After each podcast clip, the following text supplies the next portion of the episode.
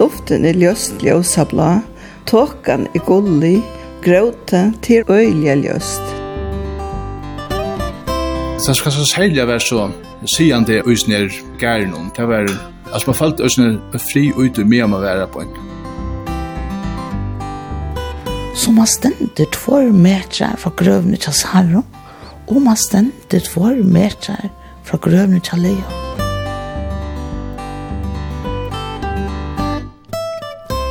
Gåan der, og velkommen vi atur og tur. Og i det halda vi fram av turen og i spennande landen Israel, som hever så stor antutning i hamsøvene og i bibliesøvene.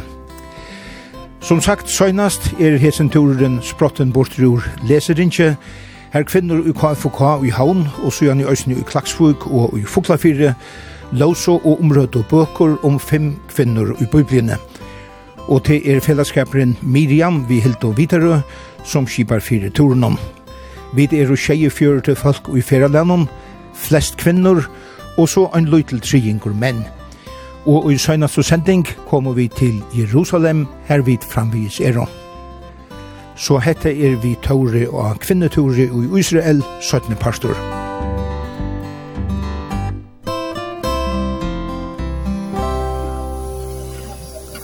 Dette er så han kjente gratamøren i gamle Jerusalem. Her gjør han er grata om tempelet som ble rivet nyer. De vende seg stadig til det etter det og be bønner. Og så øye populært å finka bønner mitt i riven her av muren. Og det om det også går til å sitte hodet At annars tar det fra fram til muren, så får man fram, og så kan man helst bakka en 5-6 fyrt, og er det vendet litt på det är bidding för muren. Ta hit men ta det för in som man har visst så ta det in där så här horna på. Så är det en glasrutar i golvet. Här kunde sucha fornera på här som där var för gäster tror. Ja, och graftmuren till det är också det graft om att hämta är bra för nio. Och det ska byggas upp här. Så här är det gratande bön उद्यम प्रेम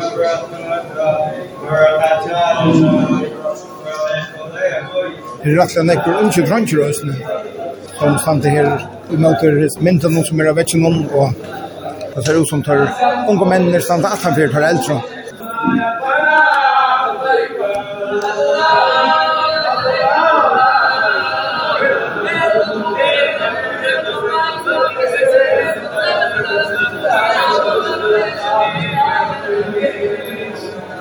det var då 25 tal unge mann som uh, svita ut fra en rettjon i møte vekkene og bia.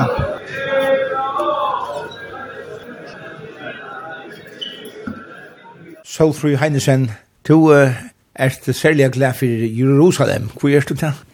Fra Batten, ja, da jeg gikk skola rundt om, så hørte man om Israel og om Jerusalem. Og vi tatt en lærer som er kjenner høy. Han tog særlig vel å fortelle. Han var reelle livvandig og sånt. Og tar røst og folk sett ikke som nå. Men han og Maja, de fører til Israel. De var i trusjen Og de kom atter. Så visste han bøylet for jokken og fortalte ordentlig livvandig om alt. Og han visste ikke bøylet bare for jokken, men også rundt forskjellige sen i forrige. At skolebøtene fikk og så er det bøkermerske her til å stå Flowers from Jerusalem og det kom til nekk for armen, nå har det til vekk. Men jeg, jeg må si for meg at uh, man har ikke alle bøybsøvner og alt det, til man lærte fra batten, ja. Men hva tøtning i Israel hever bare forstøy, notøy og framtøy, det er slett ikke, overhøver skilfyrre, Jeg helt det var et land til samme som et annet land, eller så, så. men så da jeg kom til Gøtta og kom å kjenne svigermammene kommer, til vi uh, i halvfjersen. Hon har så utrolig av viten, og og hun AHA for Israel. Hon les alt om Israel og granskaje. Ta fikk en nek, akkurat som Møyra vet han, at det er Moira enn det som vi tar til om bøypsønner som badna. Jeg ble nok sinnsjera, og så i åtte fors. Det er først for jeg var til Israel.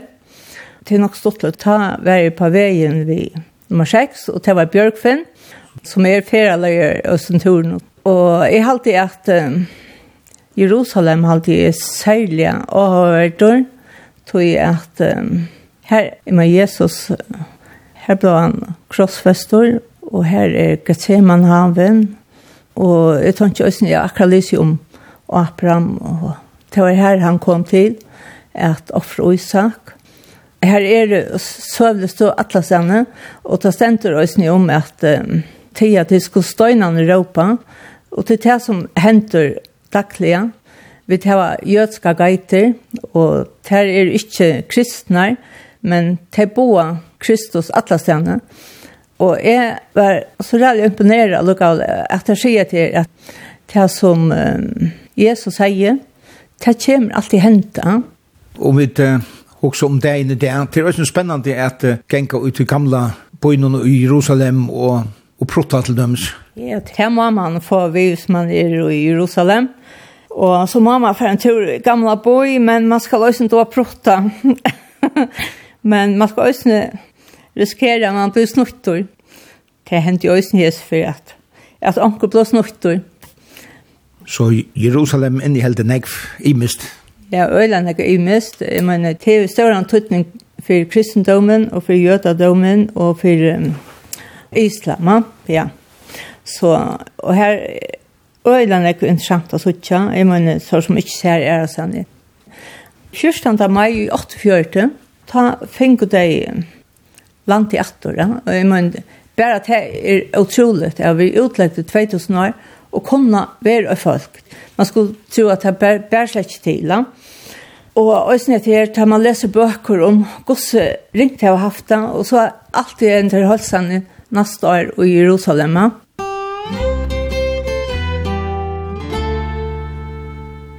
Det er nekvar kvinner vi og her som turen noen, tog evni er først og fremst kvinnerne i biblene.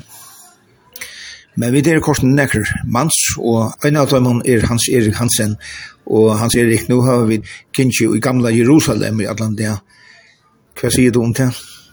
Altså, det er særlig opplevelse.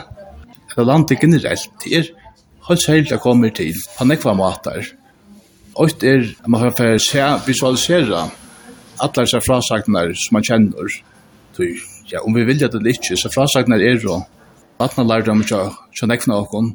Det er jo også en, en inngrekt pastor av førske elementene jeg har så ikke omgått verre før, så det er særlig. Er det noen løte av turen om her til som du minner særlig vel? Alle opplevelser er jo nok så særlig er. Tog jeg at jeg ikke rønta før, men altså hvis vi skal fære teka, jeg skal øyne på skriver. Fyrir det, har vært vi og øyne som øyder grøven i kærnen, kan man omsette det til. Gordon Skolgata verður også nevnt. Her ser man hvordan det kan hava seg ut, bæger rundt om stegen her som krossfestingen var, her som grøven var lagt øsene. Altså, det blir også som at man fer øyla vel visualisere akkurat han parsten. Her er sånn det var til det klassiska Golgata, som er det tradisjonella katolska Golgata verður også nevnt. Her er jo den store kravkirkjan som, som fløyre kristelige sjuaratningar bruka Men er som man ikke ser det på samme måte, og det er så kontraster i akkurat ui. Så skal jeg særlig være så sigende og jeg uisner gæren som var ui. Det var liksom, man ikke bare frigjør i ui, det var frisalt, det var liksom at man fikk, altså man falt uisner fri ut ui med man være på en, det var rålet i det. Vi, vi hammer, hva har du lagt særlig merke til? Gordon Skolka, det var veldig interessant Alltså tar man läser om vad folk gick fram vi och och man har också hört om att romarna tar crossfest och folk vi vägen till skräck och adversella. Så det passar nog så väl att som tar man ojmända sig och stå värre ja? att det var en skattle och i klätten någon när skattla stävor och krossarna har steg här fram vid vägen som tar värre och folk ska kunna lysa upp ja Jesus av Nazaret konkurrenterna. Mm Og vi så at det var en hav som var i bruk och snö. Og grøven var tom. Og vi er tolle rosa, vært ikke tills oss under Örvinsö än tog jag i myndader. Nek fersla og trångt. Jo, altså, det var det, var det sölste. Det var inte kostar vi att ta i togene. Men her var det ett öjl om hei. Og da man så kom ned nå og så inn i seg kyrkjene som... Nei, jeg var ikke. det sier meg öjla lite. Ta var hit lukka som. Det ringte suttja jeg vet det jo er 2022, og det er jo så mye leksjon, ja. Alt er nek brått, sier han da. Men det er veldig interessant å sørge hvordan jeg graver ut oss nå, hvordan varner det er vi ikke takke alle søvnene vekk. For det er vil jeg slippe at det er så tog, ja. Men her var veldig larmer og ganger her oppe her, sånn kyrkjen her. Det her var det også en ferie, ja. Og båra, og jeg vet ikke hva. Det er virkelig som det er ut oss nå. Det er skjønt, det var alt 18-4, sånn, en gang, slik. Og en virkelig gode turer og jeg har ikke mødre ferdig etter. Og det var også et pluss for å være noe det var så høyt, det var det at det var unge køyer. Heldig du at kvinnerne fytla no nek ui skriftene, eller vi legger no vel merke til kvinner? Altså, jeg vil si at det at i Israel lägger det gos for märsel der. Det vill säga att vi at det har matriarskar og patriarskar. Ah.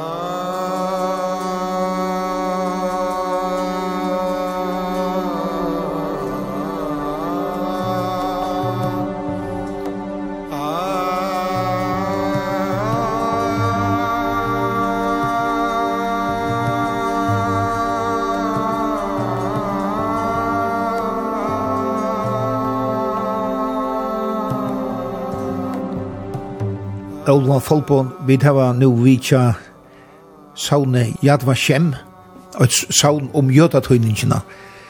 Hvordan var det at genga rundt av saunen? Kjenslebåre. Og hva mindre kjenslebåre. Det gjør nekka vi øyn.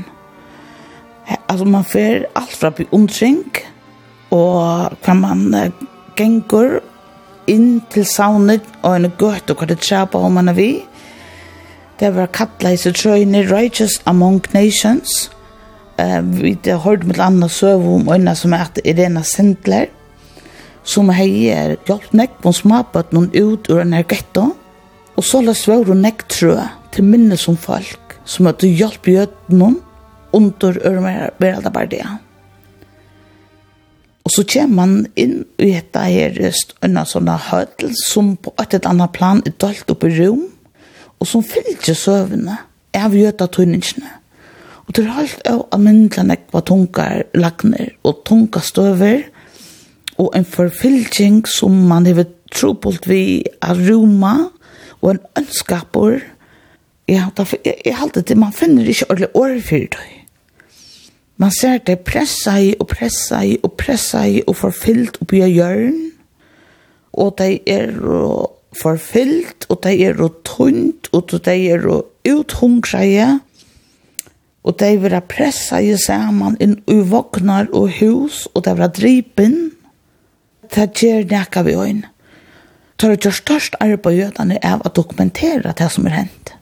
Og alt det som er vurst har var å lukket som dokumenter og papur og mynter, det har var øsne ting som det lukket som man, man får skilt upp myndon ösne och i tänkon och ta ger um, sövna ösne øsne mora verilige øyla sorst, och se Den kvinna som uh, løyte och runt om att se någon tävlar en kvinna som uh, kvars föräldrar hade varit en pastor av holocaust og inte när och de som hon var kände och var Hennar omgangskresor at det var òsne folk som høtt våre mest av holocaust og gjød at hun ikke kunne være hver alt der Så hun er i øyla nekva søver tatt i natt løyve noen og var mest, mest i øyla vel da hun fortalte at det var ikke bare akkurst, at dette var løv, og dette er en AHA, og dette er en arbeid vi nekva er. Da vi så kom ut ur Yad Vashem, så her var det i Øsne 8 museum til minnes om bøttene og var det sørst av være inni i at var kjem for det vaksne, eller om søvna, så er det hjertet skjerende affære inni minnestein for bøtten. Det er ikke så størst rom, men man kommer lukka som man, man ganger etter en gongt. Her var det fem ljøs tendreie, kvann det. Her er myrst inne, og nekk spekkel. Så at ljøsene, det brøyer seg bare ut her og endelige. Og medan man gonger, så nevner det nøvn av bøttenen, alder og hva det kommer fra. Og det gjør bare nekka vi høyen. Øyla sørst, øyla grøybande. Men det, det blir også veldig.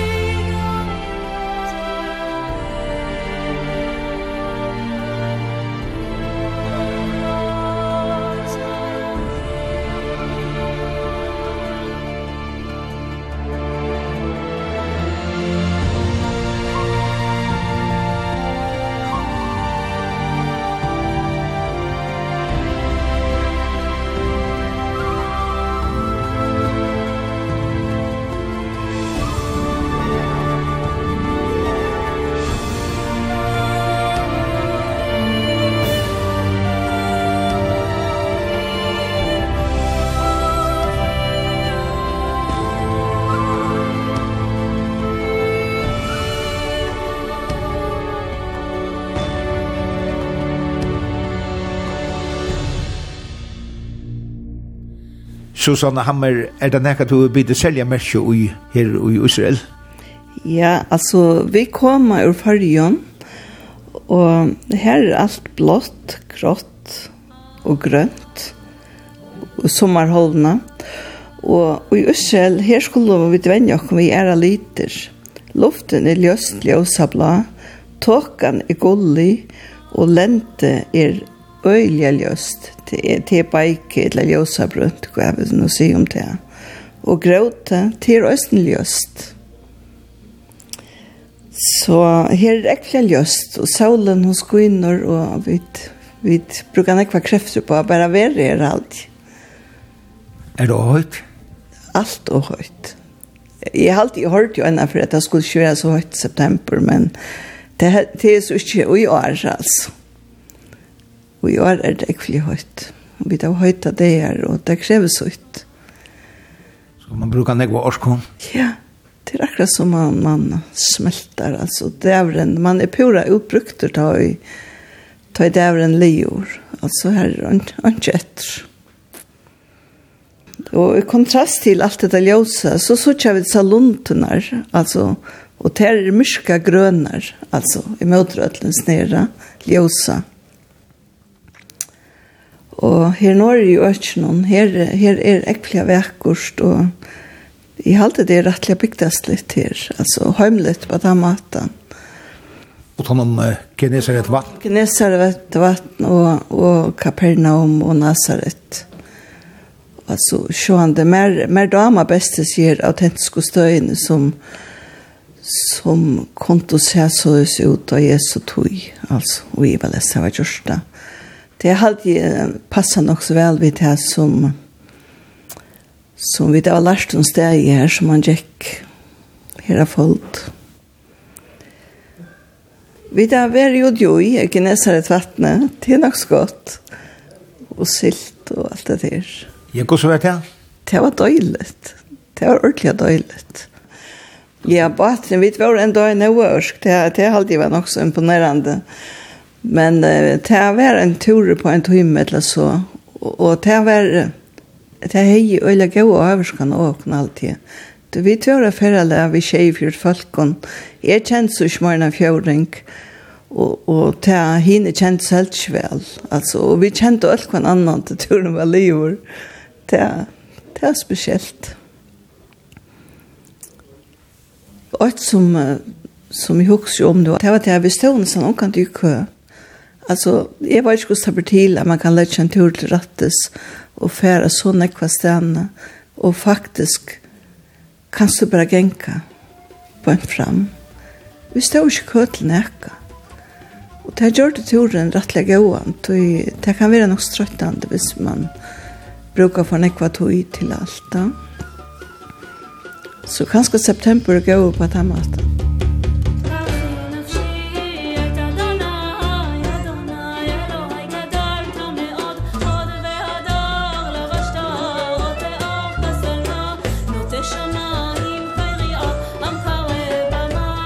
Så er aftur en nutjer davor i Jerusalem, og nå færa vi utfær til Samaria, som i det er av vestar årbakka. I Kilo stå tabernakle i 300 år, og her var en kvinna i øysen i hotok, og i okkara færa leie. If you remember, King David took Jerusalem at 1000 BC. You have to add the years of King Saul, the first king, And then the years of prophet Samuel that was here as a child. That way according to the biblical account and archaeological account you will have the same date. Og ta kanskje her at budsdøra kunstna og at og til samme datter. Okay, because of that we are very happy. Because I see that you are very happy as well, so we can continue our tour. yes. So here you can see those jars as well. Hilda av videre, nå er vi i kilo her som uh, tabernakle stod i en 300 år. Og jeg skiljer at dette er et særlig sted for det. Ja, dette er et særlig sted for meg, tror jeg. Dette er sted i Øysene hvor Hanna kom. Vi leser om Hanna i Samuels bok, og hun uh, kunne ikke få bøtt. Så hon får til Kilo at bya. Og da vi kommer til Kilo så suttjar vi i vita flötnar her som som vi kom først at her heter her Hanne har vært, og hun har bygge og bygge om å få baden. Og hun kom 900 kilo når jeg kan fjerde med året, og tog, nemlig tog tabernakliv sted i her, så det var et særlig sted å komme og bygge. Og det var ikke bare Hanna som kom, det kom nekva konen og nyan, og det som er vært nok som felles fyrest det her, til er å bygge om å få baden. Og vi leser så i Bibelen jo at Hanna fikk en son, fikk Samuel, Og hon er så lova god til det, at om hun fikk en son, så skulle han vekse opp til Eli. Og da sonen ble så stor at han ikke fikk brøstmøra, så får han nyan til Eli, og, og noe som gav sonen til Eli som skulle vekse opp. Og hette er noe som vi kanskje slett ikke skilja. En sånn søve som jeg ser her, tror jeg at altså, man kan ikke bare by om en baden, og så bare gjøre det bortstretter. Og Det har vært en familie østene fra, fra USA, som østene kom av bya. Og nekve turister har vært her i bya østene. Og det hendte til at det heter Perre som var kommet, det fikk østene på alt. Og i takksemmen for det, så har det så givet et alltså en biograf så att man ser det så ett skvär och det är en, en virkelig flotte filmer som ösne visar sövna om han och tror dimensionellt. Og det gjør atter et særlig, tror jeg søvann er så vel fortalt, og det er så filmer vi sløkter, så sørger vi ut i delen. Og det er en av de største løtene som, som er, jeg har vært vidt til, og, og som jeg hadde alt skulle släppa å slippe å oppleve det her. Og det som er også er at jeg kommer og bia, og man får bøten, og det var også gjør at han bia nek, at det er sånn som, som vi tar over her bia det nek, og Og jeg spurte jo Østen hva det var som det ble, vi var i Østen, vi gråte med jorden, da skulle vi Østen skriva. Hun skriva lepar, og vi så ut Østen, vi grøvna seg reakol, her er det Østen lepar som det skriva, og bleke inn i grøvna. Og da jeg spurte jo om hva det var det mest bør om, det var det mest kvinner som bør om, at jeg måtte bli ved baden. Så det har så en meddelig større tydning, at bli mamma. He will lead the people that anoint the kings of Israel Saul later David.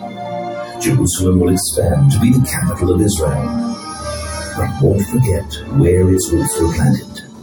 The roots that made us all grow.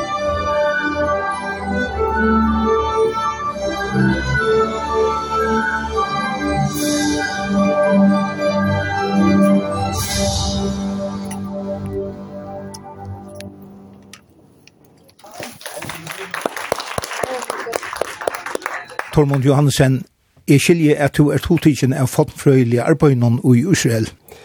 Støyene som man vidtjar i Israel, det er ofte en støy som er kjent fra Bibelen. Og tjøknomi og alt tolja og mye alt er stå funnet fram som her akkurat hentingar i Bibelen har ikke fyrir seg, og så høyda som oftast vært til at en kyrkja er bygda steg vi, vi gott og Glimmer og, og Atlon som er her til høyre. Men i det er man bare ferden etter at uh, greva foddenfrøylian utgrester for å finne fram til det autentiske. Og det ser man nekve av det. Og det har alltid vært sere spennende. Til dømes uh, i uh, Magdala. Her, var, her kom nekve fram av tog som uh, var byggt av Jesu tog synagoger og anna, kom ølja vel fram her. Og så var det um, kilo eller silo, her som uh, tabernaklet stod i 300 år.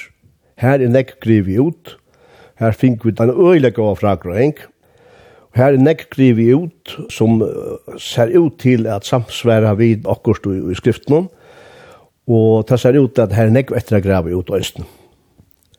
Og et annet som, som er øyelig avhåverst til er Gordons Golgata.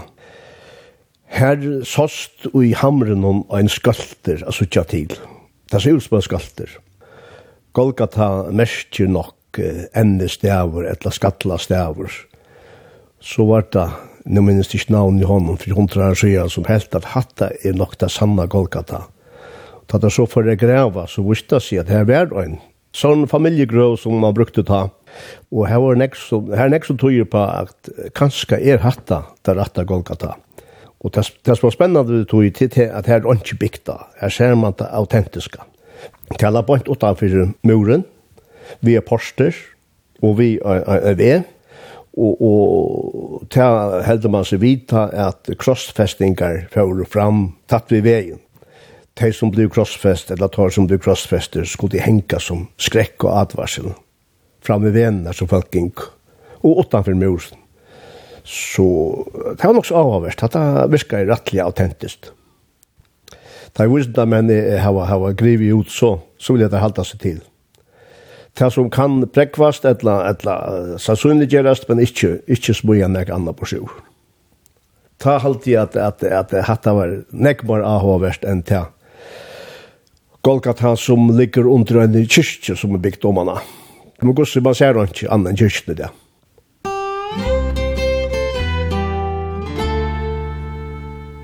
Elva Folpo, vi er i bøynon Hebron, og vi har just vært i Makpela Hedlnon, og til er her som patriarkaner, Lidja Grivner. Hvordan vet jeg? Og faktisk Lidja Matriarkaner, Øysen grunner her til, at det var helt, helt fantastisk.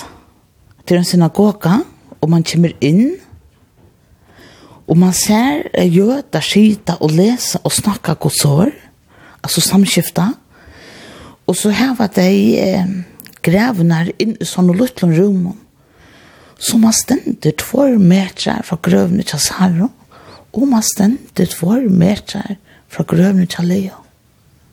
Altså, det er størst.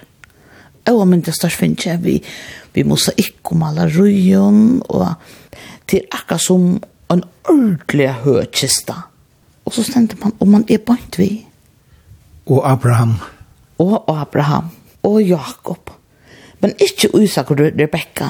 Så det er jo når er en øren parste som muslimene er lukket som har ansvar ja. Så der kan man vite og når vi kommer her, og til ikke nå. Det var ganske nærmere, men dette var størst. Så du kjente at du komst lengt etter i søvnene? man kom ordentlig lengt at du søvna, at som sundagsskola, Abraham, Isak og Jakob og Sara, Rebecca og Rekul og Lea, jeg synes det er dramatisk, kallet kjellesøva, ordentlig lengt atter, og det var ordentlig godt. Altså, til, til, alt er så størstlig, helt en Og det er akkurat som om at man, man trakkar inn i en annan heim, som man bare slett ikke er nekken til å forstille seg at man kom til til man har hørt om hos folk sin alt mitt lov, va? Og nå er jeg her. Du får mer seg fra. Og det duftar og røykelse, og man hører folk bia at han fyrer, og at det lukkar som det er, um, til, og til lov rundt om deg. Til lov i synagogene, og vi der hører. Ordla, ordla størst. Vi, vi hammer, det var særligt. Ja, det var særligt. Det stod matriarsk Sara. Kvinnarna. Det som vi kjenner til matriarsk og patriarsk, det er det vi hikker etter oss nere i mafiafilmen. Det her, det var stort, så ikke.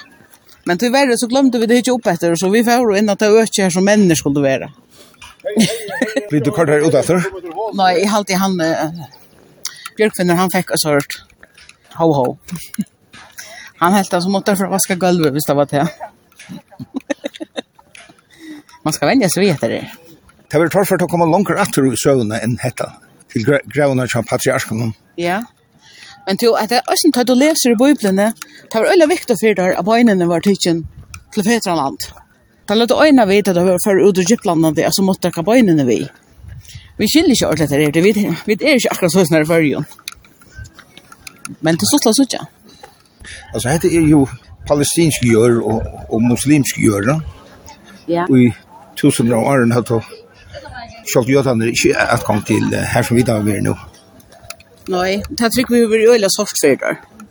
Jeg tar han nok alltid hos om det som fedrene gjør. Om det er slått når det til. Og her er det øyne nek sikkerhet. Vi skulle tjekkast alle tøyene. Er du bliven klokere i samband med kvinnerne i skriftene? Jeg er så ikke til at det her var nok snakk å si, og faktisk må jeg si heldre enn en hva vi høyre tar vi høyre om kvinnerne. Men kvinnerne har så en låt, og mennene har så en låt, og det er virkelig hver sin nødt. Shalom leivoina boy ma shem lo yishmarihi Shav shokat shoy mai Hashem lo yirne bayis شاخم لي boy باي shem لي يشمري shav shokat shoy مال Rosa Walk, jeg skilte at du var ikke minst hodtidgen av Herodian og Gjørst Fjall. Vi får nyan den der hedgen, ikke som et av fjallet som Herodes den store gjør det. Her var så otroliga gott panorama utsikt över det hela alltså du såst Jerusalem du såst över alltså över Oljefjäll du såst över Betlehems flöter du såst invid såst du faktiskt för Jordan du såst det är Ja, och så var ju så var jag. Ja, alltså, det var helt otroligt imponerande. Jag såg att man, man fick oss liksom förståelse för det partiet gick inte så dåligt. Så det var helt otroligt det er en fantastisk utsikt der vi er på. Vi sitter i det høyla. Og da vi tar som Betlehems fløter, da skal vi ikke bare huske om bygden av Betlehem. Vi skal huske at det fløter, det var alle som rundt om mer, at de gjør rundt om mer, så nå sitter jeg det er Betlehems fløter i Øysene. Bjørk Fenner Hennesen, hette her kjørta fjallet tja, Herodes du stora, det er ikke tilvilt at han har lagt det her. Nei, vann. Han ser mest i alt rujtjus, kjøsar. Det er fantastisk imponerende. Det må jeg si. Jeg er først for jeg her oppe, og jeg er ikke litt ikke langt kjenne verger. Jeg tar imponerer meg mer enn jeg vant deg. Her er Åtstad Ståre, det var han som levde til Jesper Føtter, og han har sett alvorlig som spår etter, og just at vi selger av jeg bytja. Jeg tar Åtstad som han bygde. Sjølten, kanskje hette fjallet sjølt, ikke hevde hva bøybskar frasøk, så så sørst du alle alla bubska stöjen herfra. Du har en sånn panorama utsikt som du ikke fast er sånn. Jeg har sjalf alt det sen. Dette er imponerende. Det er rettelig høyt også, altså. Ja. Til å være gjørst, som man sier. Ja. Det er nok stått å vite at jeg er råd i griven her på. Det er at ta i råd og støy, det er ta Jesus kom kom achter til Israel. Han bodde en utlending i Egypten de første tve årene til at jeg råd å si at alle bøtt om tve år skulle drepast. Og da Maria og Josef hører vi Jesus til Egypten og bo her i utleggt. Så ta i råd og støy, Det var tvei åttna jesar fødder. Ta flott til heima så. Det er så norrøtter, for det Galilea, bosett at du Nazaret, her som Josef og Maria var fra. Ta i rød støy, så slapp jeg satt atter til land.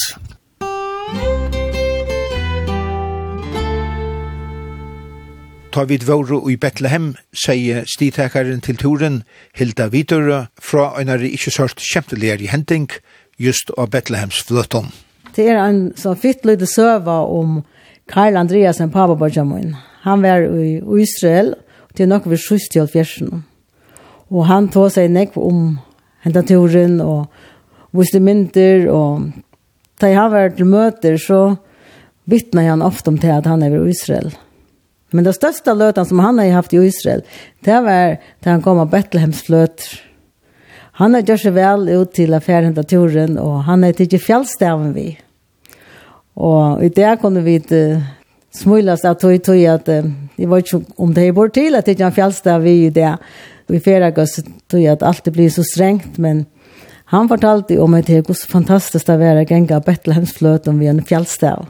Og vi tar selv om det här av her, men altså, tar vi nu våre i Bethlehem og så i fløten her, da kom jeg og hos dette her hva Karl har snakket om, og det var fantastisk at suttje i Bethlehemsfløter, og minnast av hette her at hiraner var i her av Bethlehemsfløten, og hos Angel var kommet her til.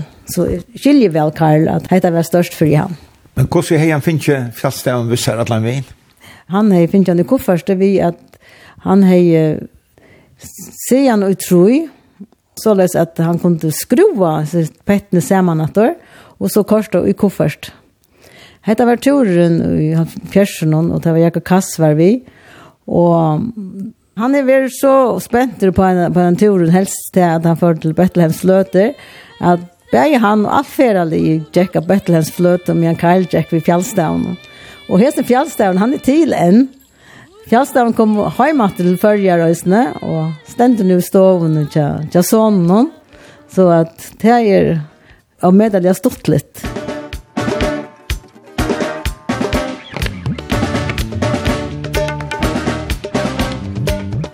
Rosa Walk, er det nekka to først at minnast fram om anna fra turen i Israel? Ja, det er riktig å velge åkt bursjord. Men til dømes uh, Bethlehem, altså ta hos jo selv, vi i Bethlehem, vi gjør vi jo bare før, Førkirken, og så vi gjør vi hira marsjene. Og her halte jeg at vi stod her vi hira marsjene, og så ut i fløtene her, det var otroligt imponerande att att man faktiskt var att hur lojene som önklarna kom ner och boyn kom ju händan hem och, det var helt otroligt störst. Och så får vi ju oss nu vid en kyrka som är bygd efter stedet till minnes om hans händelserna. Och här är så öjliga och akustiker inni i kyrkan så vi sunker inni her.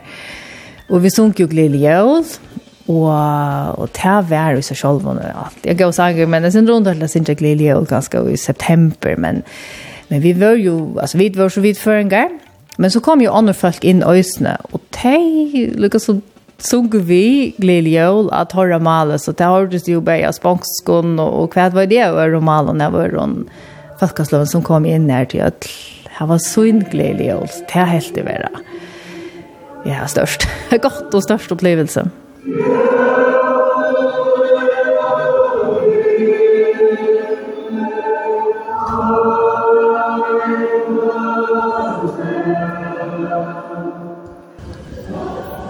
Hennesen, nu var vi vidt Visa Erastan i landen og nekve søvlig, nekve bibelsk stø, men uh, Tel Aviv er en nekve nukkjare bojor, nu kallar vi det måte Tel Aviv. Hvordan er han arbeidser enn uh, Erastan vid av verden? Eh Tel Aviv är ja du säger själva nutchar bojor. Han blev stonar nu jag nutcho. Och sen så så var ni Shragom Tel Aviv för allt att så det där. Här så var nästan över 2000 år och äldre. Och men här är ju så att jag syns själva säger att Tel Aviv är som ett land in i landet.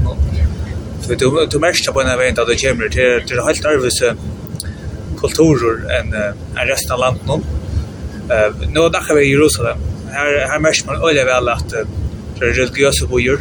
Så ta mest så i spänning luft nu att det att det är judiska religioner som är här som har att man öle hålla en boj. Och då det först Tel Aviv så helt religiösa nek men jag säger det är en öle västlig bojor och en det är också en bojor som är öle business mind out så man kan se att det är mer sekulariserade sekulariserade bojor och och ja moderna bojor på några matar att det är några helt större företag i hemmen. Där har vi en kontor och annat här i Tel Aviv. Alltså en en arbetsbojor ha teknologi och annat som kom för sig på Men alltså Jerusalem är framvis huvudstaden. Ja, Jerusalem är huvudstaden. Och det kommer alltid att vara. Här är här är också näck i Jerusalem, men uh, alltså bäj av av skolan och här är också next moderna men det bara du du märker att det religiösa det vår next större avskan i Jerusalem du är i Tel Aviv du märker att det bara en timme kvar i mitten där men du märker att det är en öl och mumra mentan Det så att det har byggt nekva sene, og vi vet at det er nekva jødar som flytta heim til Israels imsa sene ur heimland. Det må vel letja et trusht av allt ja. Ja, det är uh, nekkel sitt heim, og det gjør at vi bruker for nekkel bostål, men det er også nekkel gjøter som bygger for, til døme så er det nekkel amerikaner, amerikanske gjøter, nekkel tømmer også vel fire, og tar det her, men anna kjempa seg også uibjør anna her på, som, som kanskje sanda tømmer og strammer seg tøyen, ja. Og det gjør så aktet til att det er enda verre for det. Det som bygger for er å få bolig bostål, säga det det då ska vi ljus och annars är livet så ju ju så är det är högt det är också väldigt ta allmänna kärchen nu så smalare här ölen fokus så livet så att det är till simpelt för dust för manliga falchat av er det בשנה הבאה נשב על המרפסת ונספור ציפורים נודדות ילדים בחופשה ישחקו תופסת בין הבית לבין השדות God hever lov tjekk alt vel av Israels turen om. Korstene var vi tatt vi øyne hending som kunne haft ekvislige avløyngar. Det var i gamla bojarparten i Tel Aviv, Joppe. Hva sier du? Nei, nei, hun spyr om jeg synes ikke nok. Jeg synes ikke bare politikken som ringer. Jeg skal ikke. Her er nekko politibiler. Hun synes. Akkurat nett. Er stekker er i byen i Tel Aviv. Persland han stilt ved at vi har en stongtur her framme for å komme. her er en rikve av stinkande politibilen, og her ser ut til å være akkurat. Eller er akkurat. Och uh, nu vet jag vad det händer. Det är inte så, inte så spännande vad det händer. En uh, från Nablus eh, kom här på ett och att lägga gör terroransökt och han är akkurat blivit fängare här på ett. Och vi är faktiskt mitt att du ser någon här som han blev fängare. Tog jag det som var här. Och det är akkurat nu i tog just nu. Och med avren till henne är det akkurat skrivet henne. Du är inte vid tornet i Jakbea, så jo så så det bort vi vi där ja. Så vi där faktiskt mitt i mitt i värlagan i Israel. Det är det som det är tyvärr men kan uppleva. Vi var glada för att det blev fänka. Så vi kunde ha varit vitt långt tänk väl det där. Jag kan tala hur kostet det bara så jag. Jag tycker det men den här akademiska visant. Kanske hinner så in ja va. Det er det Jerusalem Post, over lagt denne mynd ut. Vi må da sitte i bussen og joppe og i omløy halvan annan tøyma og boja. Akkara bussur stod tvørster om av gøtene, så ta var i verløygan vid som stekka av ferslene her. Just her som ivergangsmauren var tidkjen vi ønner i ekvislære rørbombo. Og at han har fengt vid øysen at vita at han kunne haft gjort stauran skia, tog han heit for manns at hjelpa seg, og tar blivo øysene tekner. Tar atla var at hava en ekvislige sprunching inni i Tel Aviv, men tog betur spalti alt vel av. Nasrøynast dagen av feriene høyde folk måløkan at tekna seg til turen til kjenta fjallet Masada. Jeg synes at en modell av Masada. Vi er her, her point. Uh, så gjør det stangegøtta nere her. Snake Path. Ja. ja. Andal kan man genka, vanligvis. Så det er ikke for høyt noen annen. Men vi får altså bruke rennstrang der. Og i hese parten her point, den norra parten, her så gjør det her nok som er bygd til hesten, hesten enda av toppen av fjallene. Her på en, og så er det trykker som hittar nere her där ja hatt palasset tja Herodes han byggde han har gjort så at, ja det är nog inte mer sommarhus må mer av vetarhus då det blir så kaldt i Jerusalem om vetren att här rampas på byggt nian och fjallet og hatt maten romer vunnet et øke på Og her här är inte kälta på här inte vattkälta så alt vattnet til å samla direkt man ska samla och borra nian och Det är öle nämnt att välja sig. Alltså det var på en del på. Så vi tar vara på så kommer det bara stöjna. Stöjna fotjändarna. Men det skiljer länen att tar du plan här, tar, tar tro på ju inte tar så byggt och äh, vägen upp, utan byggt och gödar. Ja, det är ju alla här jötska källar. Ja. Och tog hade inte kört så mycket motstånd. Tog hade haft fri till att bytja alltså ramperna. Ja. Tog att äh, det får inte drepa sitt egna folk. Nej. Okay. Men så plus, plus toucha. Salma. Då är det utav Venena Masada. Är det next train Dian? Ja. Massvärd har vi det till Kongo. Det ser fantastiskt.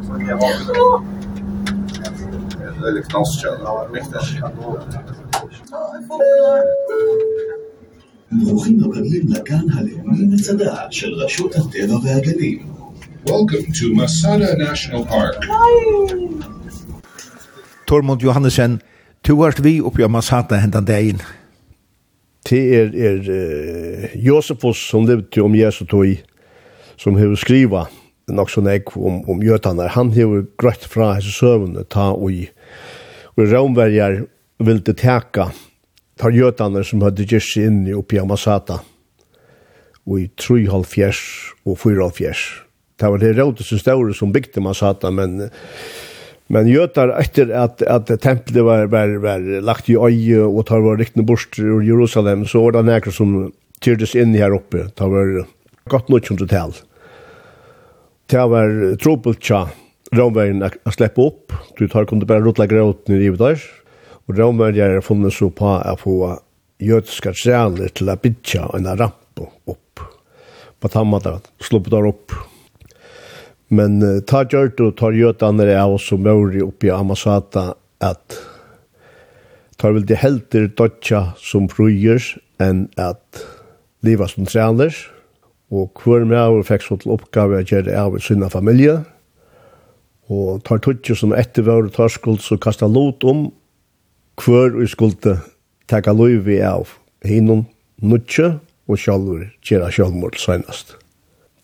Granskare som, som hava grivi ut nu tar Ivasa Sindruisen, tar suttje ikkje tekjen om haup sjalvmord, men hatt er så søvan. Og Josefus som skriva i ta i, i uh, fyrst i öltene, til vi bant etter Jesu deier, og han som veri tjei til vi artai, enda hent ikke for fram man blir när han för en gåa kält. Men så lätt är sövan och och där sikst at, att ta och i romverjer kom upp ta vår tver kvinner och fyra på Aloiv. Och sövan ska så være kom fra hem.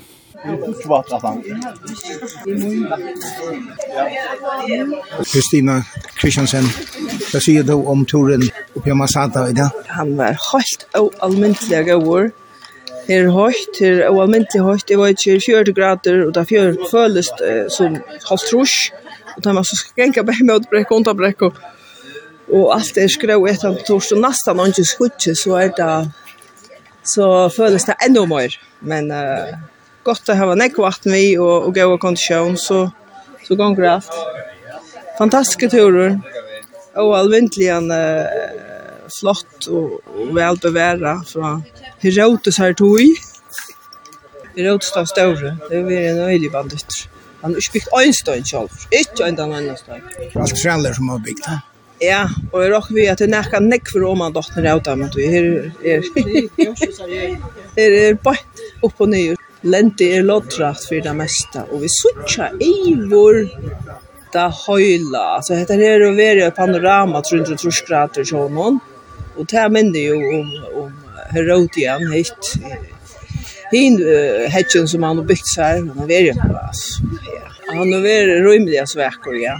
Det är lukka som näka som gånger attor.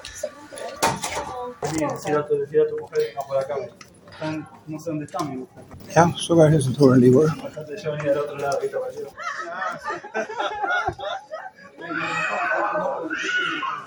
Michael Mikkelsen, nu er vi nere efter av hjørnet, kan man säga. Och man sa att han går som turen. Det var fantastiskt att komma ner här. Jag har alltid drömt om att komma ner när man sa att han.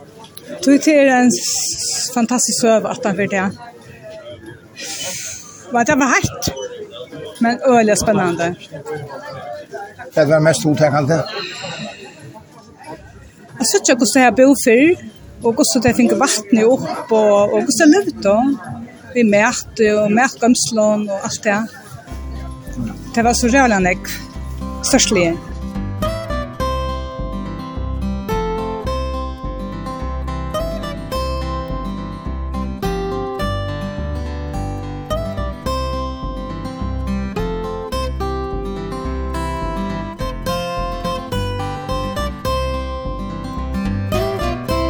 Hetta var så vi tåre og kvinnetåre i Israel, 17. pastor.